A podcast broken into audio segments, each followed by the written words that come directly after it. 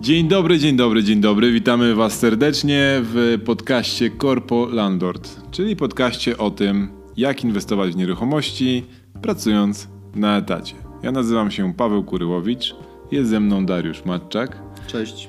I dzisiaj opowiemy Wam o tym, e, w co inwestować pracując na etacie.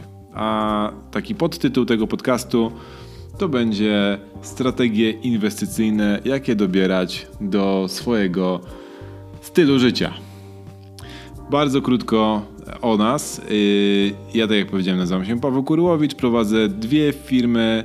Jedną w Polsce, w Warszawie, drugą w Wielkiej Brytanii, w Londynie.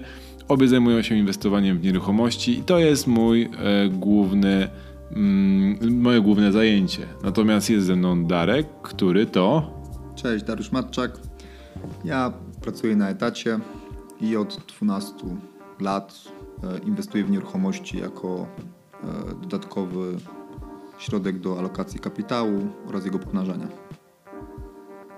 Tak, także e, w tym podcaście zależy nam na tym, żebyście zrozumieli, że widzicie, będziemy mówić o rzeczach, które nas interesują, bo uważamy, że mogą Was interesować z dwóch perspektyw. Osoby, która się zajmuje w 100% nieruchomościami, osoby, która pracuje na etacie i to jest jego główne zajęcie, a nieruchomości traktuje jako dodatkowe zajęcie.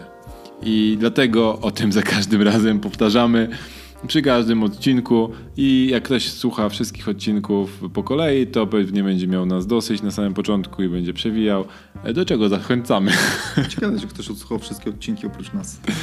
E, ja nawet nie, nie odsłuchałem ja wszystkich odcinków. No to jesteś pewnie z jedną z tych osób, która nam podbija e, rankingi. Słuchajcie, nasz podcast składa się z trzech części. W pierwszej omawiamy główny temat danego podcastu. W drugiej odpowiadamy na, odpowiadamy na Wasze pytania, które możecie nam zadawać poprzez stronę e, facebookową. A w trzeciej części mówimy o jednej z rzeczy, która e, nam się przydaje w naszym życiu i w naszym inwestowaniu w nieruchomości.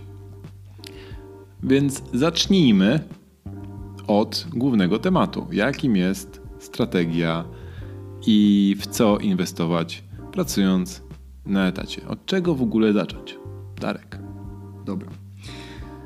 E, wiecie co, to jest tak, że jak się spytacie w ogóle ludzi, po co wiem, robią rzeczy poza etatem związane z inwestowaniem, to wam wszyscy powiedzą, że no, chcemy mieć dodatkowy dochód pasywny. I teraz ludzie inwestują w, w nieruchomości na etacie, także często po to, aby dostać dochód pasywny poza etatem. Ja uważam, że nieruchomości nie są dochodem pasywnym. Chciałem, żeby to wszyscy jakby dosyć jasno zrozumieli. Nie ma czegoś takiego jak dochód pasywny z nieruchomości, poza pewnymi wyjątkami, o których też powiem. Gdyż dochód pasywny dla mnie oznacza dochód bez stałego angażowania swojej pracy. Natomiast przy nieruchomościach no, zawsze zaangażujesz się. Musisz tę nieruchomość kupić, wynająć, wyremontować, odświeżyć, coś się popsuje, coś się wydarzy. Zawsze jest jakaś akcja, która wymaga reakcji. I teraz ja i tak to robię, e, gdyż e, jestem w stanie tak to zoptymalizować, aby ta praca wymagała ode mnie bardzo małego nakładu pracy w ciągu miesiąca. Znaczy, czy to nie jest trochę tak, trochę ci przerwę, że jest bardzo mało rzeczy, które mogą być typowo dochodem pasywnym, o którym ludzie w ogóle sobie nie zdają sprawy? Bo z tym dochodem pasywnym to chyba jest tak, że to chodzi o dźwignię, e, bardziej chodzi o dźwignię wykorzystywania swojego czasu i zarabiania pieniędzy, a nie, a nie jakby w 100% delegowanie na kogoś e, wiesz, obowiązku przynoszenia ci kasy w zębach, nie? Bo typowo dochodem pasywnym to będzie lokata kapitału, tak? Lokata kapitału, nie wiem, chociażby w banku, gdzie zainwestowałeś ileś tam tysięcy i dostajesz ileś tam set złotych miesięcznie czy rocznie. I to jest twój dochód typowo pasywny. Nic nie musisz robić. Oprócz tego, że raz zainwestowałeś pieniądze, tak? Włożyłeś na daną lokatę, obligacje, nie wiem, coś tam, te papiery wartościowe albo coś innego. Natomiast wszystkie inne czynności Je- Jestem, jakby trudno mi sobie wyobrazić jakąkolwiek inną czynność, która byłaby takim typowo dochodem pasywnym. Bo jakby nawet mój, moje postrzeganie dochodu pasywnego zaczęło się od książki Tima Ferrisa i pewnie wielu z osób z naszego pokolenia tak zaczęło w ogóle myślenie o dochodzie pasywnym. Albo nie, nawet wcześniej, od książki Kiyosaki, e, tak? Kiyosaki. Tak.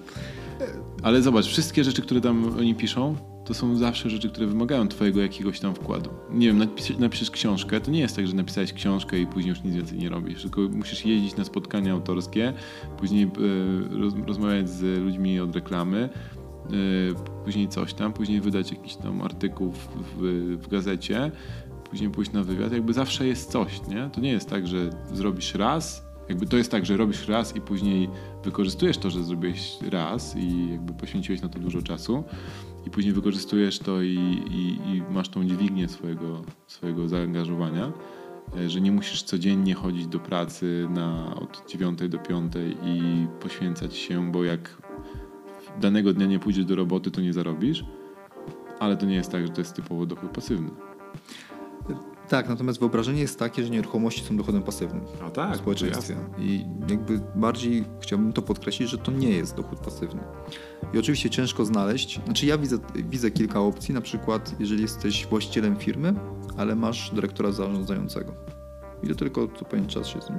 Ale to znowu musisz też co pewien czas się spotkać jeszcze z nim, prawda? No tak, no ale jeżeli jesteś udziałowcem firmy, a nie, a nie jesteś e, osobą, która jest zatrudniona w tej firmie, nawet jeżeli jesteś e, właścicielem firmy, ale nadal pracujesz aktywnie w tej firmie, to nadal nie, to nie jest dochód pasywny. tak? Dokładnie.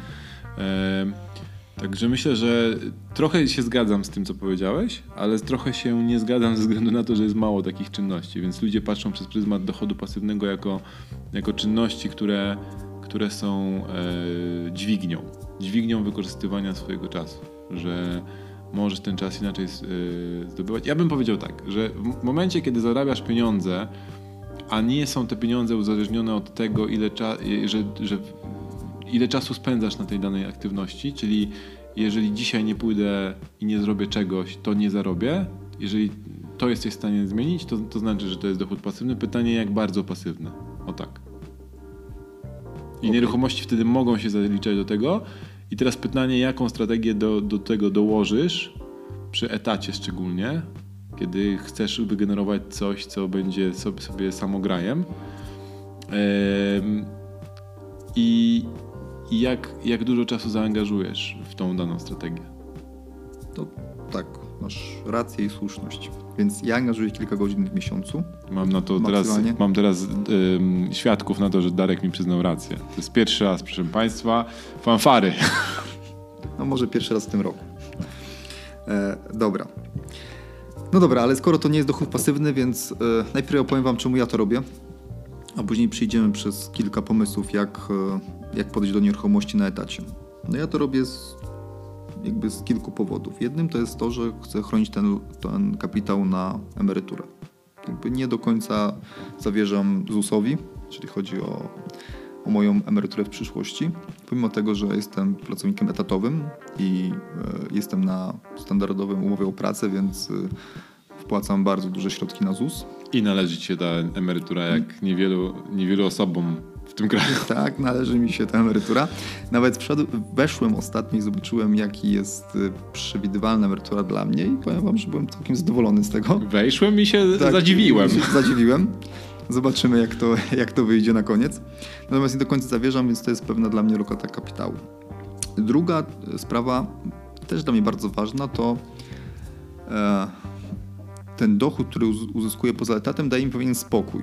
To znaczy, ja wiem, że nie muszę się spinać, żeby do pierwszego danego miesiąca nie wiem, pospłacać wszystko i tam już na koniec to mówię żonie i dzieciom nie jemy jogurtów i bułek, tylko czerste pieczywo, bo, bo musimy oszczędzać. Tylko daje mi to dużą poduszkę finansową, którą mogę wykorzystać tak jak chcę i to też przekłada się na moją pracę. Znaczy ja uważam, że jestem dużo spokojniejszy w pracy, gdyż y, pieniądze szczęścia nie dają, natomiast ja uważam, że w ogóle nie przeszkadzają w osiąganiu szczęścia.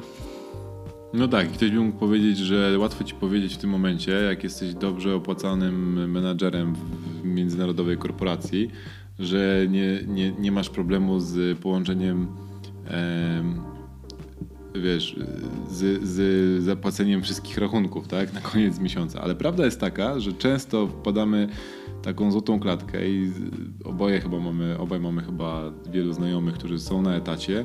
I pomimo tego, że zarabiają ogromne pieniądze, to nie do końca im starcza na bieżące zobowiązania, bo ich e, poziom e, wydatków jest tak wysoki i, i potrzeby opłacenia albo mm, sfinansowania kredytu są tak ogromne, kredytu konsumenckiego dodajmy, na rzeczy, które, które nie zarabiają im żadnych pieniędzy, tylko po prostu opłacają kolejne jakieś tam zabawki albo, albo koszty życia, że to nie do końca jest tak, że to, że te pieniądze przychodzą do, do, do nich na konto, to, to nie są bardzo szybko rozdysponowane. Do tego ty zaczynałeś inwestowanie w momencie, kiedy no, nie miałeś takich e, możliwości zarobków jak w tym momencie, tak? Także trochę też łamiesz, łamiesz trochę mm, takie pojęcie, że to inwestowanie to jest tylko dla tych, którzy zarabiają ogromne pieniądze. Bo zaczynałeś o wiele wcześniej, nie? jak jeszcze nie zarabiałeś ogromnych pieniędzy. Tak, e, wiecie co, to w ogóle wyszło z Alaski. To znaczy tam ja dosyć blisko współpracowałem z właścicielem tej całej firmy, która łowiła te łososie i to był człowiek, który jest milionerem, właściwie miał samolot, miał tam dwa statki wtedy, więc człowiek bardzo zamożny i on mi tam wpajał kilka zasad. Jedną z nich było, że nieważne Darek ile zarabiasz, ważne ile zostaje ci na koniec miesiąca w portfelu. Bo jeżeli zarabiasz 10 tysięcy dolarów, a wydajesz 9800, to jesteś biedniejszy niż ten, kto zarabia 2000, a wydaje 1000. I wiecie, to jest jakby bardzo prosta, prosty schemat, ale ja widzę mnóstwo moich znajomych, którzy żyją od pierwszego do pierwszego. Jakby I to ledwo, ledwo. I nie mogą na przykład zmienić pracy, czy pójść na dłuższe wakacje, bo jakby ich na to nie stać w tym momencie. Pomimo Hmm. tego, że mają wspaniałe domy, super samochody, ale ich zobowiązania po prostu ich dobijają. Złote klatki. Złote klatki. To się nazywa w ogóle inflacja życia. O. To znaczy, im więcej zarabiasz, tym więcej wydajesz. Nagle wiesz, nagle nie wiem, e, nie chodzisz do Chińczyka przy, nie wiem, przy, przy dworcu, tylko idziesz sobie do e, Alter Armaro, tak? Na, na, na codzienny. I nie wyobrażasz sobie, że kiedyś mogłeś jeść w Chińczyku pod dworcem. Więc tego typu rzeczy. Druga sprawa, e, właściwie już trzecia sprawa, która też jakby, dlaczego to robię, to jest to, że mam więcej czasu wtedy. To znaczy, e, u mnie jest taka sytuacja, że moja druga połowa, pozdrawiam e, żono, zajmuje się jakby tymi nieruchomościami e, od strony administracyjnej. Więc nie mamy drugiego etatu w rodzinie. I jeżeli planujemy jakiś wyjazd, chcemy coś zrobić, to właściwie dostosowujemy się tylko do mojego kalendarza. Co uwierzcie mi daje niesamowitą też jakby e, przewagę i możliwości, jeżeli chodzi o organizowanie sobie wolnego czasu. Ponieważ znam też dużo osób, które no jakby są na dwóch etatach, plus do tego nachodzą jeszcze e, szkoła dzieci i teraz znajdźcie jakiś okres, kiedy oni mogą razem wyjechać na spokojnie. To zwykle jest tak, że trzeba to planować naprawdę z dużym wyprzedzeniem, kombinować. No tak, ale dodajmy, że twoja żona Ewa od samego początku nie była zaangażowana tylko i wyłącznie w nieruchomości. No to się wydarzyło w momencie, kiedy macie już jakąś skalę, tak? Tak, tak, oczywiście. Pracowała na etacie, później prowadziła swoją działalność związaną z produkcją. Teraz tą działalność jakby no, sprzedała tą firmę, tą część, jeżeli chodzi o produkcję. No i zajmuje się już tylko nieruchomościami. Ale to dla mnie też jest ogromny benefit, no bo tak naprawdę na koniec, e, jakby jak spojrzycie sobie tak z bardzo wysoka, to na koniec jedyne co warto kupować w życiu to czas. Hmm. I to też pokazuje, że wybudowaliście trochę etat Ewie, nie? To tak, tylko taki Z perspektywy czasu po prostu kupiłeś, kupiłeś nieruchomości, które wy, wybudowały etat Ewie, luźny etat Ewie, że ona może się tym zajmować, a nie musi szukać teraz czegoś na szybko, wiesz, jakiejś tam innej roboty, coś tam, coś tam, jakiegoś innego zajęcia, bo, bo potrzebujecie jakiegoś dodatkowego źródła dochodów. Tak. I ostatni punkt, e, który też mi daje, i to jest powiązany trochę z tym spokojem całym, to daje mi zawsze taką perspektywę, jak mam jakiś gorszy dzień się wydarzy, że mogę zawsze to wszystko rzucić i wjechać w Bieszczady. I hodować kozy. I dalej się utrzymam. Dobrze, nie chcemy znać Twoich e, fantazji, Darku, e, tylko przejdźmy do konkretów. Bo Dobrze. mówimy cały czas o Tobie, a tutaj chodzi o to, e, jakie strategie, albo jak w ogóle strategie dobierać do swojego stylu życia, czyli w naszym przypadku, w przypadku naszych słuchaczy, jak dobierać strategię do życia pracując na etacie. Tak, i już przychodzę do tego punktu. I teraz, jeżeli jesteście na etacie, to musicie zadać sobie jedno bardzo ważne pytanie. Co chcecie osiągnąć? Jakby to, do czego ta strategia ma was doprowadzić? Czy wy chcecie kumulować yy, środki, czy chcecie zarabiać tu i teraz? Albo w ogóle co chcecie robić. No, Jakby co chcecie, jak, jak wyobrażacie sobie tą swoją sytuację za 5-10 lat?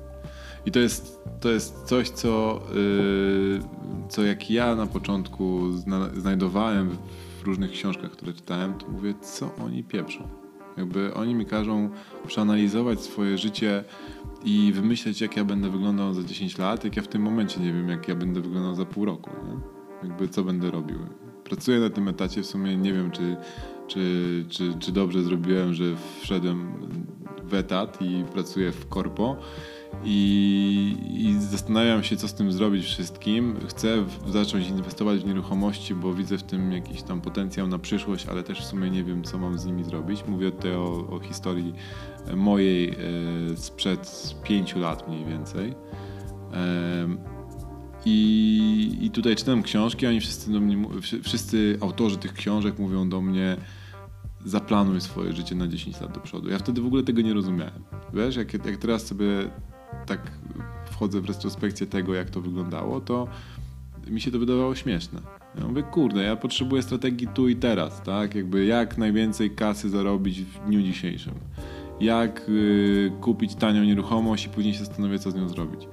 Ale prawda jest taka, że jak nie masz tej, tej strategii na dłuższą metę, jakąś tam przygotowanej, że nie wiesz, co chcesz robić, że nie wiesz, że e, nie masz w głowie czegoś takiego, że w sumie jestem dobry w tym, co robię i nieruchomości, sorry, nie nieruchomości, jestem dobry w tym, co robię i etat, praca na etacie, na którym w tym, tym momencie jestem, sprawia mi przyjemność, albo może nawet nie sprawia przyjemność, ale odnajduję się w tym, co robię i może kolejna w kolejnej firmie będę, będę miał więcej przyjemności, bo to akurat nie nie spełnia moich oczekiwań albo cokolwiek innego, ale chcę być analitykiem, chcę być e, badaczem, chcę być sprzedawcą, cokolwiek, tak? Ale nie, nie mówię, że ta, ta, ta czynność jest jakkolwiek związana z nieruchomościami, a nieruchomości traktuję jako coś dodatkowego, to jak te nieruchomości będą wpływały na moje życie za 10 lat? Nie? Czy, czy to jest tak, że chcę przejść kompletnie i zajmować się tylko i wyłącznie nieruchomościami, czy wręcz przeciwnie, chcę zarabiać gdzieś indziej, robić coś innego, a, a, a tylko lokować pieniądze w nieruchomości. No tak, ale mówimy trochę o tym samym. Czy chcesz Tak, za, zarobić tu i teraz szybko Tak. i jakby przejść za te parę lat tylko na, na nieruchomości? Czy myślisz tam w perspektywie długofalowej to jest jakieś zabezpieczenie twoje na przyszłość? Czy tak jak w twoim przypadku myślisz o tym, żeby zbudować etat dla swojej żony w przyszłości? zajęcie, może nie etat, zajęcie, ale nie, chodzi mi tylko o to, że wiesz, że musisz mieć pomysł, co, co, te, co te nieruchomości mają tobie zrobić w Tak, przyszłości. dokładnie. I dużo osób w ogóle kompletnie nie ma pojęcia o tym. E, Ja też sam nie miałem o tym pojęcia w momencie, kiedy zaczynałem. I myślę, że to jest dobry moment, kiedy zaczynasz, żeby w ogóle się zastanowić, czy to jest coś, co mnie tak jara, że chcę w ogóle przejść na 100% mojego czasu e, i robić tylko to, czy wręcz przeciwnie, że jestem dobry w tym, co robię i tam chcę zarabiać, a nieruchomości są tylko i wyłącznie jakimś dodatkową rzeczą, którą dobrze mieć, bo nie wiem, nie ufam właśnie ZUS-owi, nie chcę inwestować w e, papiery wartościowe, a w sumie to chciałbym mieć nieruchomość, którą będę mógł później oddać swojemu dziecku. Tak, i trochę zobaczcie, to jest, twój case jest ten, e, jara mnie to bardzo, będę to robił na 100%, a Tak. mój case jest taki, jestem dobry w tym, co robię, bo jestem dobry w tym, co robię, a nieruchomości są dodatkiem dla mnie. No, ale jakby mamy to zdefiniowane i teraz ty, drogi słuchaczu, też musisz to sobie zdefiniować. Co chcesz, bo to oznacza, przynajmniej w moim e, przeświadczeniu, zdefiniuje ci, ile czasu musisz na to poświęcić. Bo jeżeli chcesz robić tak jak Paweł, no to niestety będziesz dochodził do tego, że 100% twojego czasu będzie szło w stronę nieruchomości. Jeżeli tak jak ja, to musisz się optymalizować z mniejszą ilością czasu, ale ROI, które generujesz, będzie też mniejsze wtedy. Tak, i wtedy pytania typu e, co myślicie, czy ROI 7% to jest wystarczające w centrum Warszawy? To, to jest pytanie kontekstowe. Jakby jak, jaka jest twoja strategia i jakie ROI tobie wystarcza? Bo w moim przypadku ROI na poziomie 8%, no to nie mając odpowiedniej skali, to mogę zapomnieć w ogóle o funkcjonowaniu firmy. W Twoim przypadku ROI na poziomie 8% to jest pewnie więcej niż byś oczekiwał. No, jest bardzo dobra. Wszystko tak? powyżej 7 jest dla mnie super. No właśnie, więc tutaj nie ma jednej odpowiedzi. Jak słyszę takie pytania, to od razu mi się nasuwa kolejne pytanie, ok, a co ty chcesz robić z tą nieruchomością? No, a no dobrze, to to mniej więcej mamy i teraz co robić? Rozpykane. Tak. I teraz co dokładnie robić? Bo już porozmawialiśmy sobie, że musisz wybrać, e, jakby pomyśleć w szerokiej perspektywie i czasowej, co, do czego chcesz dążyć. Wybrać później, czy chcesz inwestować ile czasu i jak. A teraz już co robić dokładnie. I nam powiem, że na moim przykładzie znowu zacznę. Ja wszedłem właśnie w najem długoterminowy, bo masz kilka możliwości jakby tego, jak możesz inwestować w nieruchomości.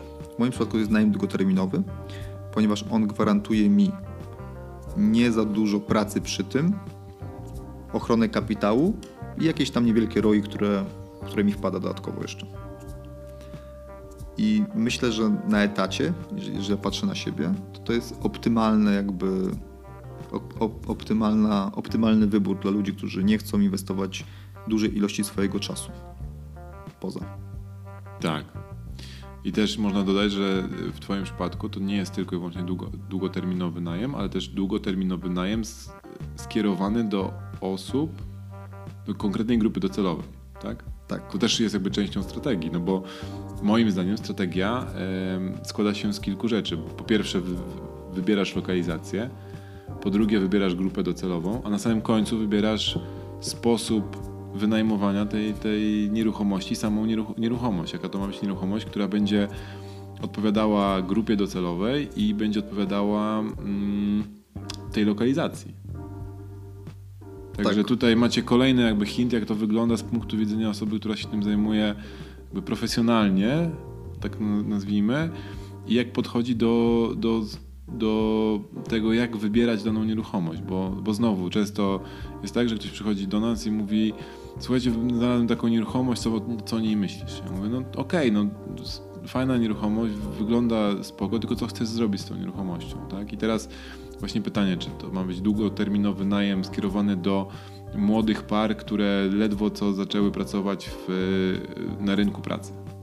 Czyli twój przypadek, Darku, tak? Dokładnie. I będzie to kompletnie inna nieruchomość, kompletnie inna lokalizacja w innej części miasta e, niż na przykład, tak jak kilka naszych nieruchomości, typowo najem taki średnioterminowy dla osób, które studiują na Erasmusie albo, albo są ekspatami, którzy przyjeżdżają z innych krajów do Warszawy i, i pracują e, i szukają jakiegoś pierwszego miejsca do tego, żeby się zaczepić i pracują gdzieś w centrum Warszawy i chcą mieszkać w centrum Warszawy, bo chcą poczuć ten, ten, ten, ten klimat tego miejsca.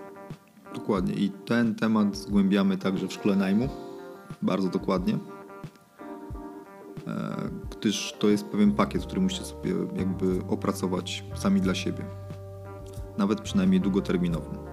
Natomiast dalej twierdzę, że dobrze wybierzecie sobie grupę docelową i dobrze wybierzecie sobie lokalizację i ta strategia będzie spójna, ten najem długoterminowy będzie Wam generował najmniejszą ilość e, czasu, który musicie włożyć, aby obsłużyć go. Tak. No to teraz przejdźmy może po innych strategiach albo po rzeczach, które są w tym momencie na czasie, bo, bo część z tych rzeczy, to jak ja patrzę z perspektywy 10 lat, to one wcześniej istniały, tylko nie miały nazwy takiej. Tak, dokładnie. E, I wszyscy, którzy inwestują w nieruchomości, nawet znam ludzi, którzy, którzy inwestują 40 lat w nieruchomości, e, w różnych krajach, bo w Polsce to było y, nie za bardzo wtedy jeszcze możliwe, ale, ale w innych krajach to, to różnie to, to, to, to mówią, że teraz to nazwa, nabrało jakby nazw, a wcześniej to się po prostu robiło.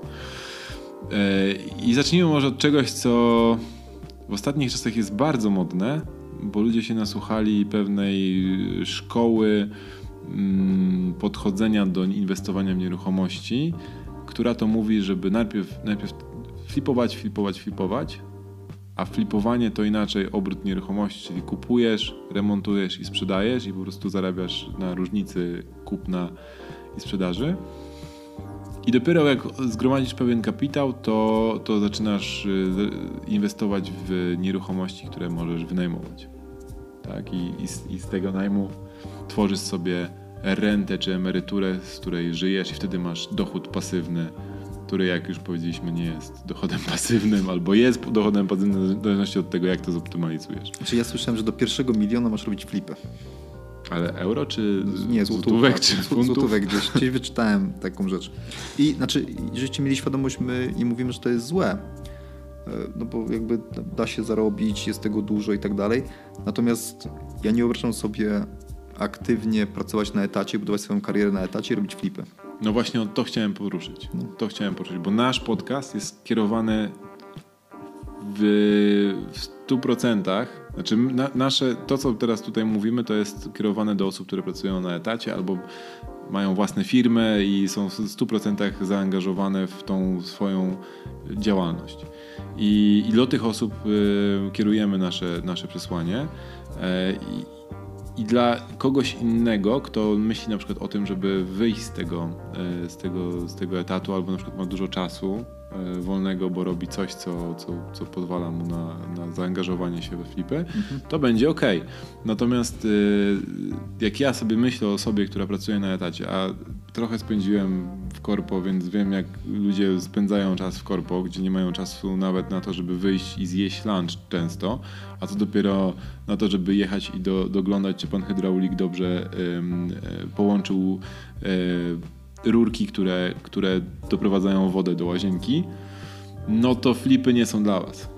Mówię wprost. Jakby ja zrobiłem kilka flipów niechcący, kilka chcący, i wiem, jak dużo czasu to zajmuje. I jeżeli chcecie zrobić to optymalnie finansowo, czyli wtedy bierzecie na siebie całą, całą organizację pracy, project management, jakkolwiek to nazwać, czyli połączenie poszczególnych podwykonawców. Jeszcze do tego musicie znaleźć podwykonawców, którzy są tani, bo musi wam to się opłacać, a tani podwykonawcy najczęściej wymagają o wiele większego nadzoru niż, niż drodzy wykonawcy. I w takim przypadku musicie się zaangażować czasowo. I nie ma innej opcji, bo to wy będziecie jeździć po sklepach, będziecie um, dobierać tak materiały, żeby były tanie albo optymalne finansowo, tak? Czyli może nie tanie, ale że jak macie dwie, dwa kafle, które są podobne, e, to wybierzecie ten, który jest tańszy, ale po niego będzie trzeba pojechać kawałek dalej, albo musicie w ogóle spędzić czas wieczorem w internecie, żeby wybrać ten, ten, te, te płytki, które będą akurat o te 10 zł za metr tańsze. I, I to jest jakby flipowanie jest super. Jest, ma mega dużo e, fajnych rzeczy w sobie.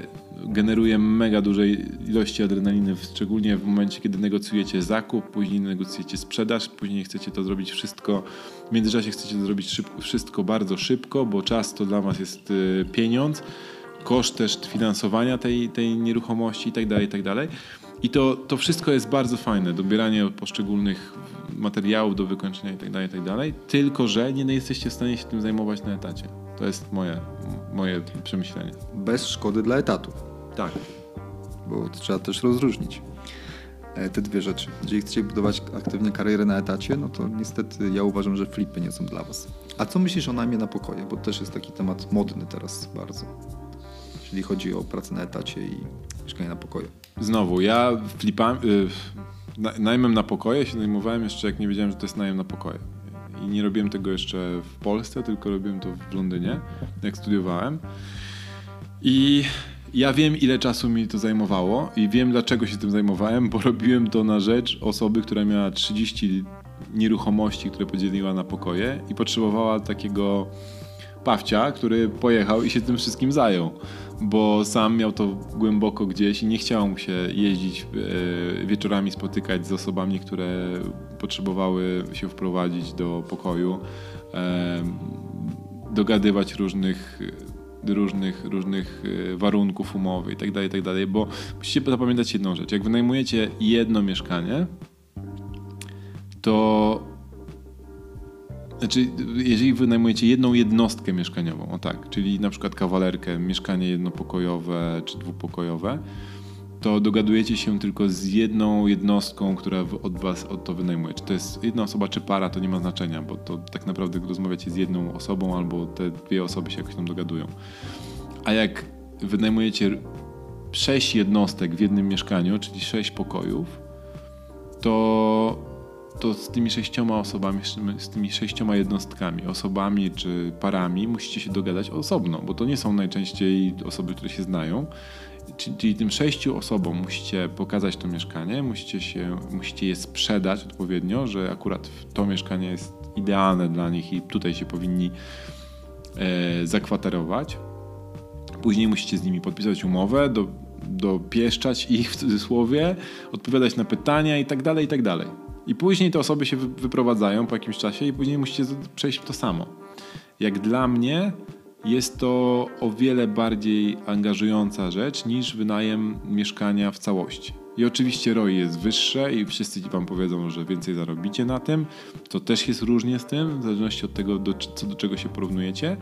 Natomiast wszystkie osoby, które ja znam, które to robią na większą skalę zatrudniają sobie osoby do tego, żeby to nadzorować. I to też jest jakby pokazuje, że jeżeli oni zatrudniają kogoś, żeby to nadzorować, to znaczy, że nie są w stanie tego robić sami, albo nie chcą robić tego sami, bo wiele taniej jest zaangażować kogoś innego do tego, żeby to robił. Mamy bardzo podobne przemyślenia. Znaczy ja znam akurat parę, która oboje pracują na etacie i prowadzą mieszkania, mają chyba 3-4 mieszkania na pokoje i godzą to, znaczy jakby są w stanie pogodzić etat z tym.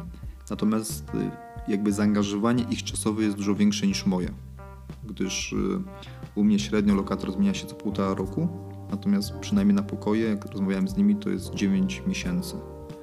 Więc teraz macie rekrutację co 9 miesięcy i iluś jednostek tych mieszkaniowych, a nie jednej co półtora roku. I wydaje mi się, że to właściwie, jeżeli chodzi o czas, to bardzo, bardzo jakby angażuje czyli ten cały, cały recruiting wokół tego. Tego masz więcej przelewów, więcej osób, które musisz kontrolować, czy na pewno zapłaciły ci za daną, za daną e, nieruchomość i tak dalej, i tak dalej. No, jest tego sporo. Ale jeżeli twoim celem jest e, ROI tu i teraz, to wydaje mi się, że jednak najem na pokoje będzie bardziej opłacalny niż najem długoterminowy. Ja jakby nie pokuszę w tym momencie o, o powiedzenie, jakie to będą różnice, ale średnio średnio jakby w, w, kraju wydaje mi się, że jednak na najmie na pokoju można zrobić więcej. Też mi tak wydaje, jeżeli chodzi o ROI tu i teraz. Tu i czyli, teraz, dokładnie. Czyli, czyli przepływ gotówkowy, bo to nawet nie ROI, tylko dokładnie, przepływ gotówkowy. Mhm. A co z najmem krótkookresowym? Mówisz o Airbnb, Bookingu, Bookingu i całej tej reszcie, czyli tak naprawdę prowadzenie hotelu. Tak. Nie, no to jest, moim zdaniem to jest najbardziej angażujący temat, jaki można sobie tylko wyobrazić w nieruchomościach. Może, może na równi z flipami, albo, porów, albo porównując, albo trochę mniej angażujący niż flipy.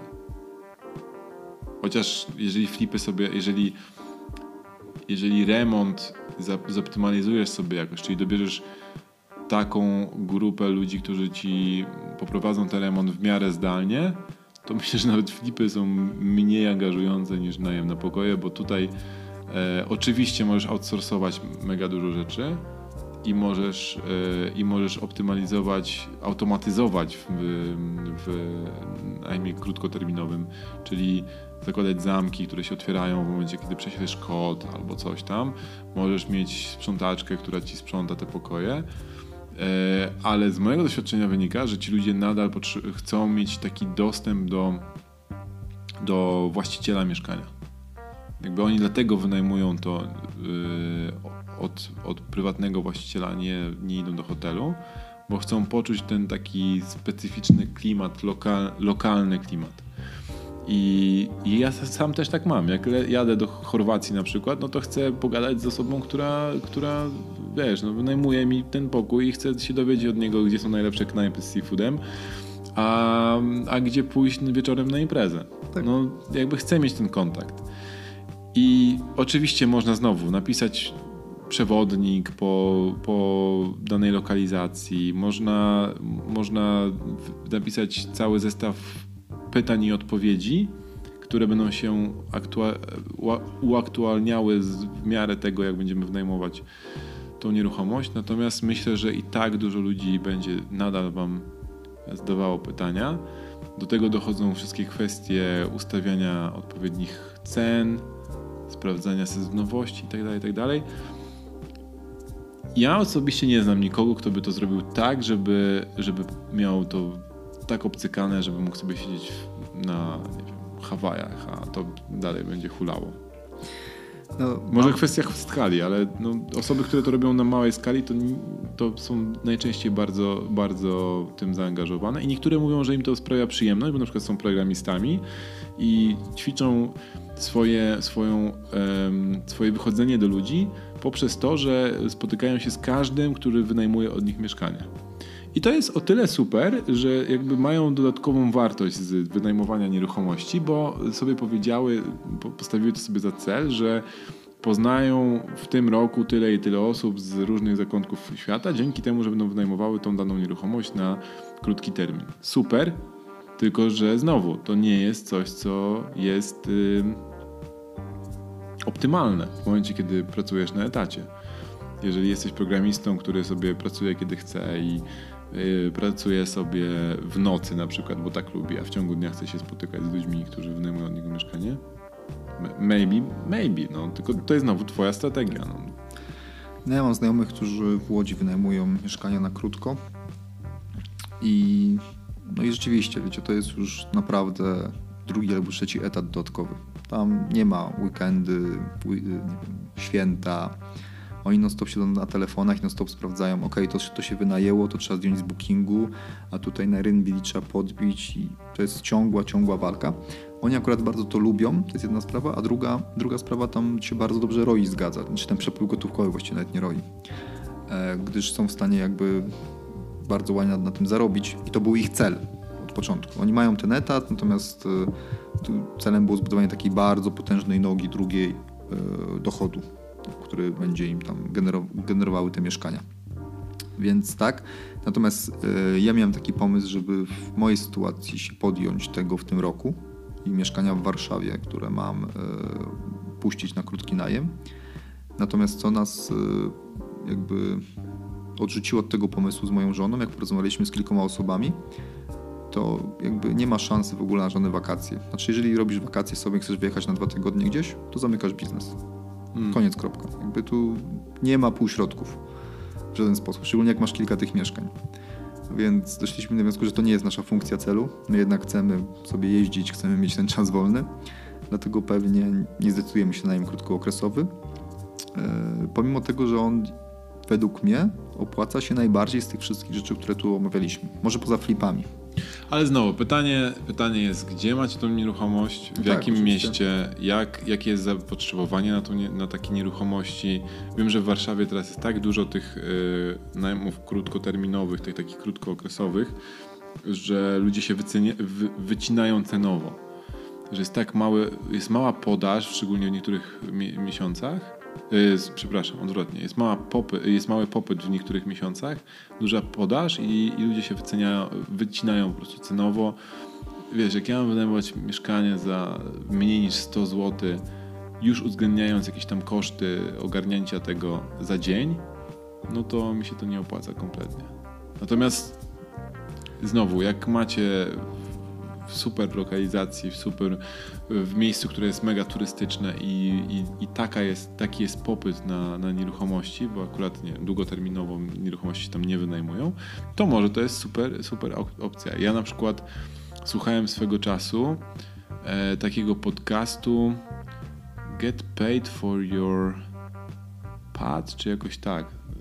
To prowadzi taki Australijczyk, czy Nowozelandczyk, czy no, ktoś angielsko, ang, angielskojęzyczny.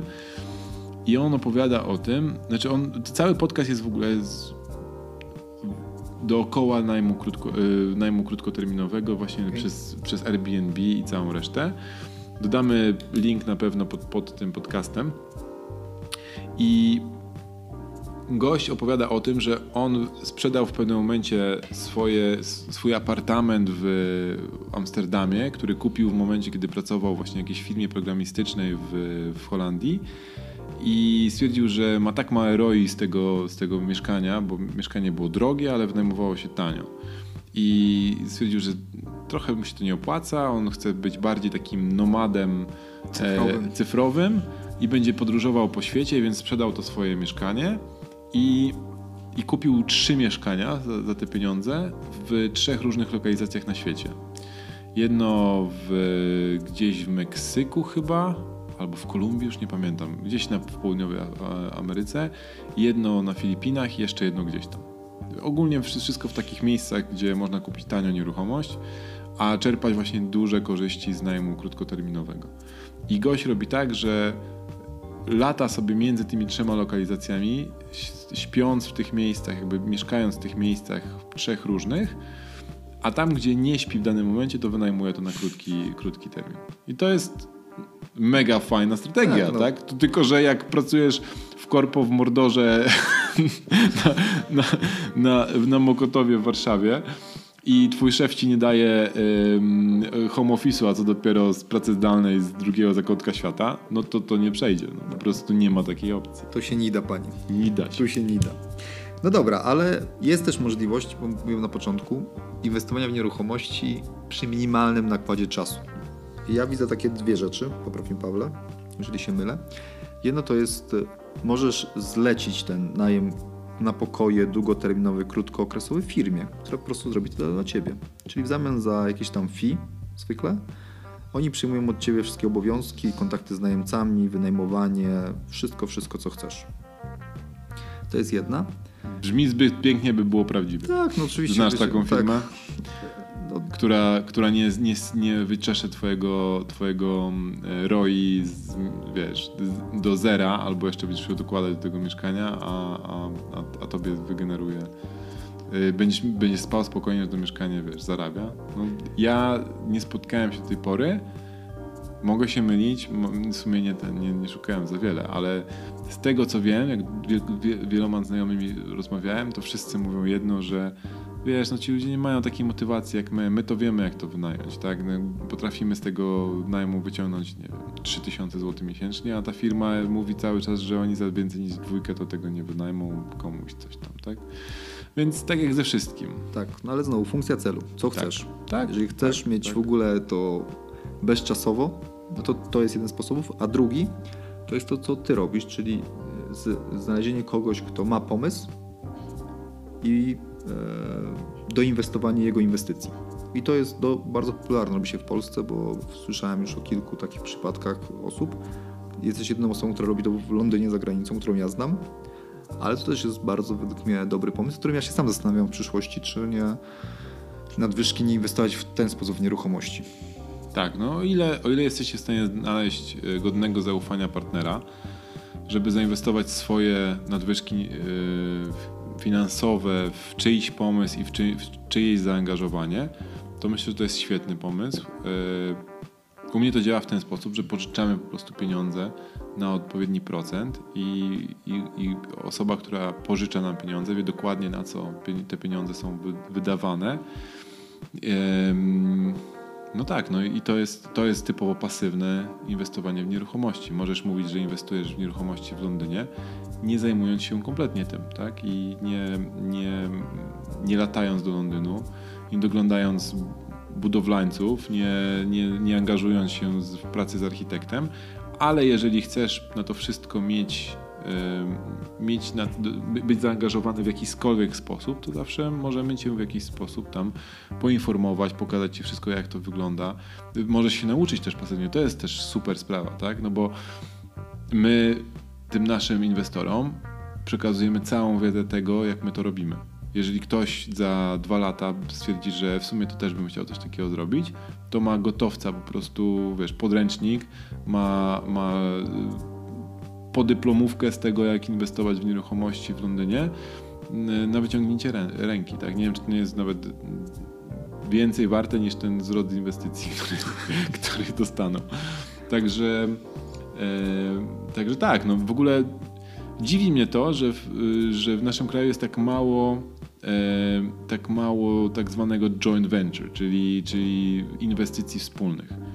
Ja wiem, że króluje, króluje powiedzenie, że mówiły jaskółki, że niedobre są spółki i w ogóle od spółek to trzeba odchodzić, bo ludzie cię przekręcą i tak dalej, i tak dalej. Ale jak się tak zastanowicie nad, nad tym wszystkim, jak działają duże biznesy, to tam nikt nie jest właścicielem stuprocentowym. Zawsze jest tak, że ludzie są zapożyczeni, są firmy, które sponsorują inne firmy, które inwestują w jeszcze inne firmy, gdzie są ogromne korporacje ubezpieczeniowe, które muszą gdzieś zainwestować pieniądze, więc inwestują w coś innego i tak dalej, i tak dalej. Największe spółki akcyjne są spółkami akcyjnymi dlatego, że pozyskują kapitał z zewnątrz. I to takie podejście nasze małostkowe, że wiesz, mam piekarnię, będę właścicielem y, stuprocentowym, nikogo nie wpuszczę do tej piekarni, to i później się dziwimy, czemu ta piekarnia jest tylko w jednym mieście w Polsce, a nie jest potentantem y, produkcji wyrobów pieka y, piekarniczych, piekarniczych. piekarniczych na całą Europę. I się zastanawiamy, jak to jest, że wiesz, że jak się nazywa ta firma, taka Swiss coś tam?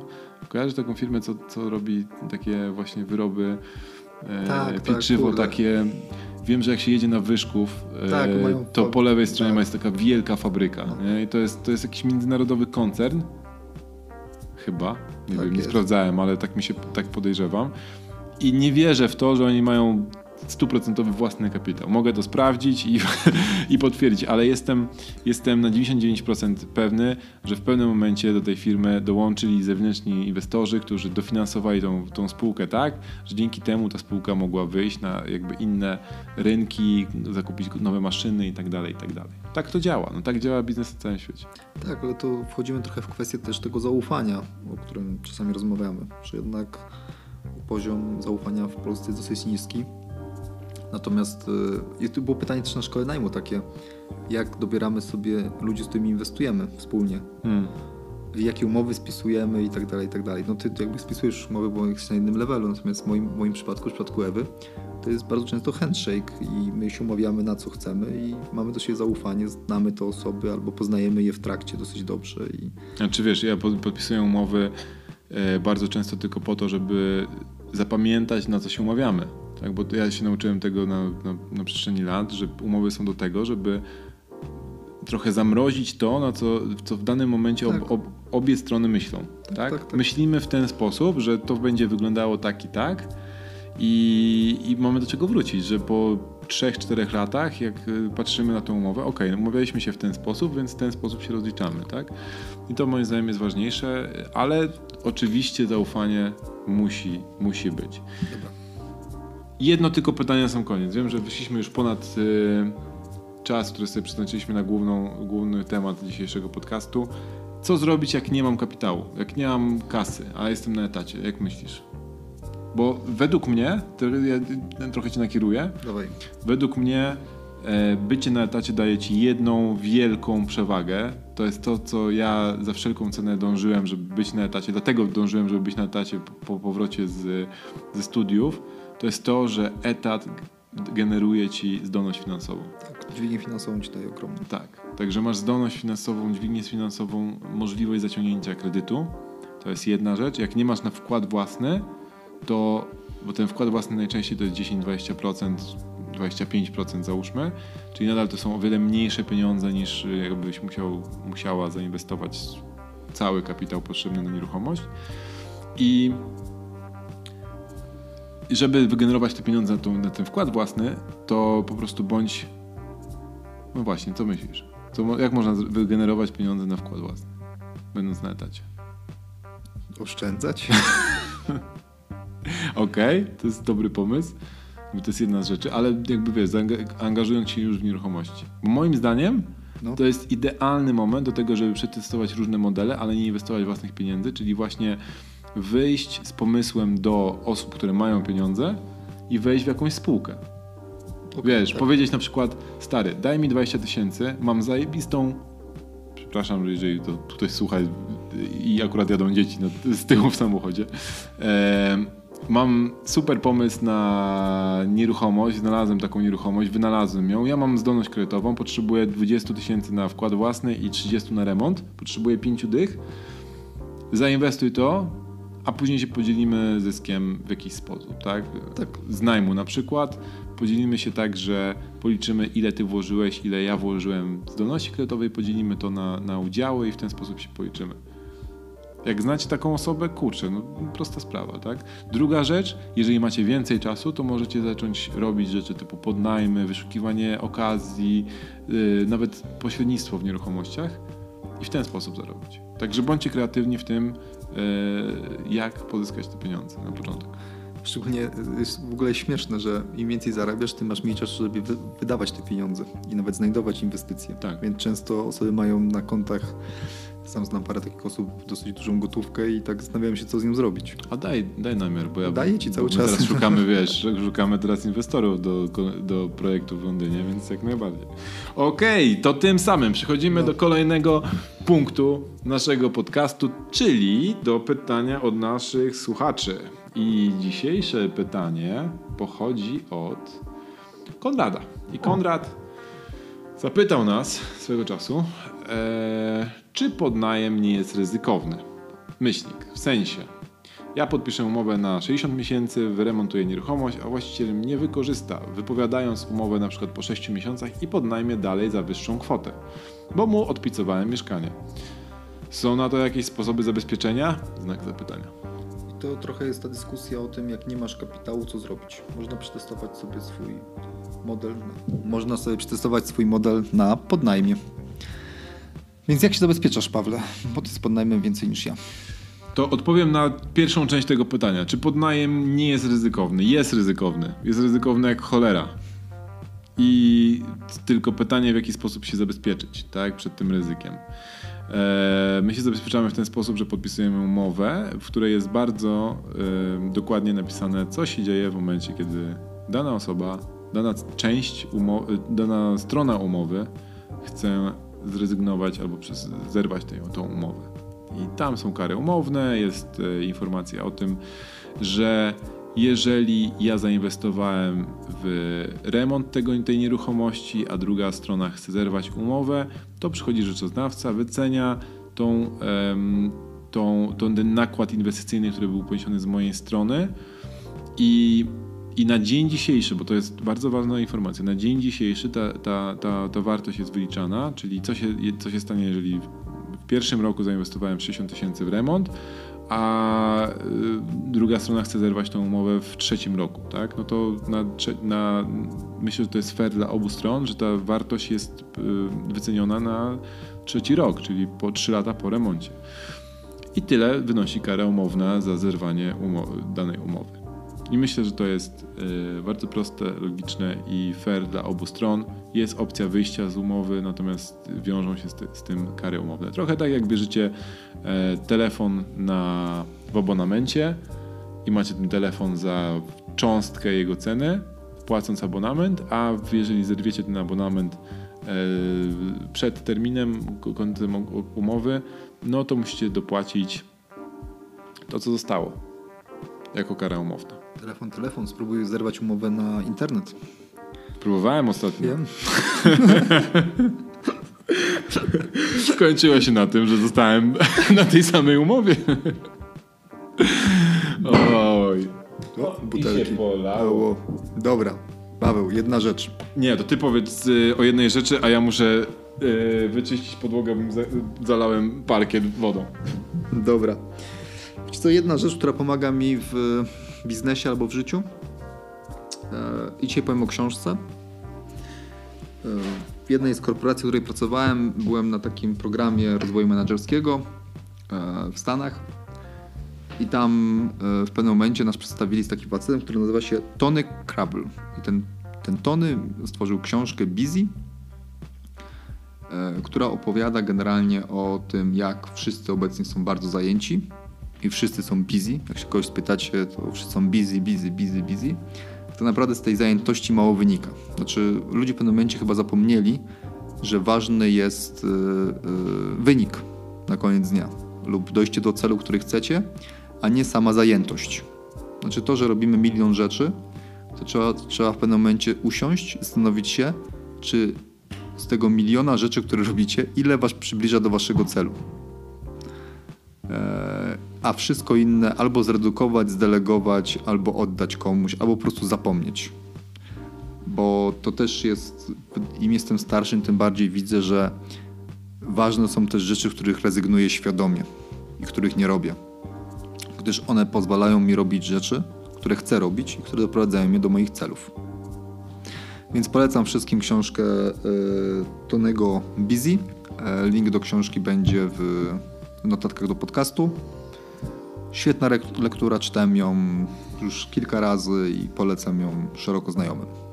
Czytasz książki kilka razy? No, zdarzyło mi się. Jesteś na innym poziomie w takim razie. Ja czasami raz nie, nie daję rady przeczytać. No to jak już jesteśmy przy książkach, to ja polecę inną książkę. E, dzisiaj taki e, kącik czytelniczy hmm. widzę. E, I też to nie jest książka stricte powiązana z nieruchomościami, aczkolwiek mówi trochę o nieruchomościach jako jednym z sposobów wzbogacenia się. I ja powiem o książce How to Get Rich e, Felixa Denisa. E, książka, która zrobiła na mnie ogromne wrażenie, bo gość napisał ją w momencie, kiedy już był u szczytu swojej kariery. Zarobił. Felix Denis to jest człowiek, który stworzył, może nie, że jako pierwszy stworzył markę PC World, bo to było stworzone przez kogoś innego, ale on kupił tą, tą markę i później stworzył z tej marki potentata światowego y, magazynów komputerowych. I później miał wydawnictwo, które wydawało, wydawało różne inne magazyny i w ten sposób dorobił się milionów, jak nie miliardów. I i Felix napisał tą książkę w momencie, kiedy już był milionerem, tak? Jak tam mówił o, o swoim majątku, to przeliczając na złotówki, to był miliarderem. I i to jest ciekawe, że on powiedział, że ch chciał napisać tą książkę nie dlatego, żeby sobie podnieść ego czy coś tam jeszcze, tylko żeby pokazać ludziom rzeczywiście, jak się robi pieniądze z perspektywy osoby, która się dorobiła tych pieniędzy. I myślę, że mało jest takich książek, bo większość osób, które się dorobiło tych pieniędzy, mają to w nosie, czy ktoś inny wie, jak zarobić pieniądze. I Felix mówi o, o tym, jak być obrzydliwie bogatym, a nie o tym, jak być majętnym i bardzo to rozróżnia i mówi o, o systemach, które trzeba wprowadzić w momencie, kiedy chcemy mieć to bogactwo o wiele większe niż większość ludzi, które stąpa po tym, po tym świecie. I pomimo tego, że y, myślę, że daleko mi do tego, żeby być bogatym, y, to samo to, żeby posłuchać od osoby, która, która się dorobiła, o systemach, które wprowadza do swoich firm, i sposoby myślenia o niektórych rzeczach e, daje bardzo dużo. I trochę jest to powiązane z tą książką, o której ty mówiłeś, że jak jesteś busy, no to musisz znaleźć sposób na to, żeby niektóre rzeczy wydelegować. I Felix Denis mówi dokładnie o tym, ale też o wielu innych rzeczach, które są bardzo ciekawe. I też mówi o tym, w jakie biznesy się angażować, które są w stanie was wprowadzić w tą ten poziom multimilionerów. Czego wszystkim Wam życzę. Link do, tego, do, tej, do tej książki na pewno się znajdzie też w opisie tego podcastu.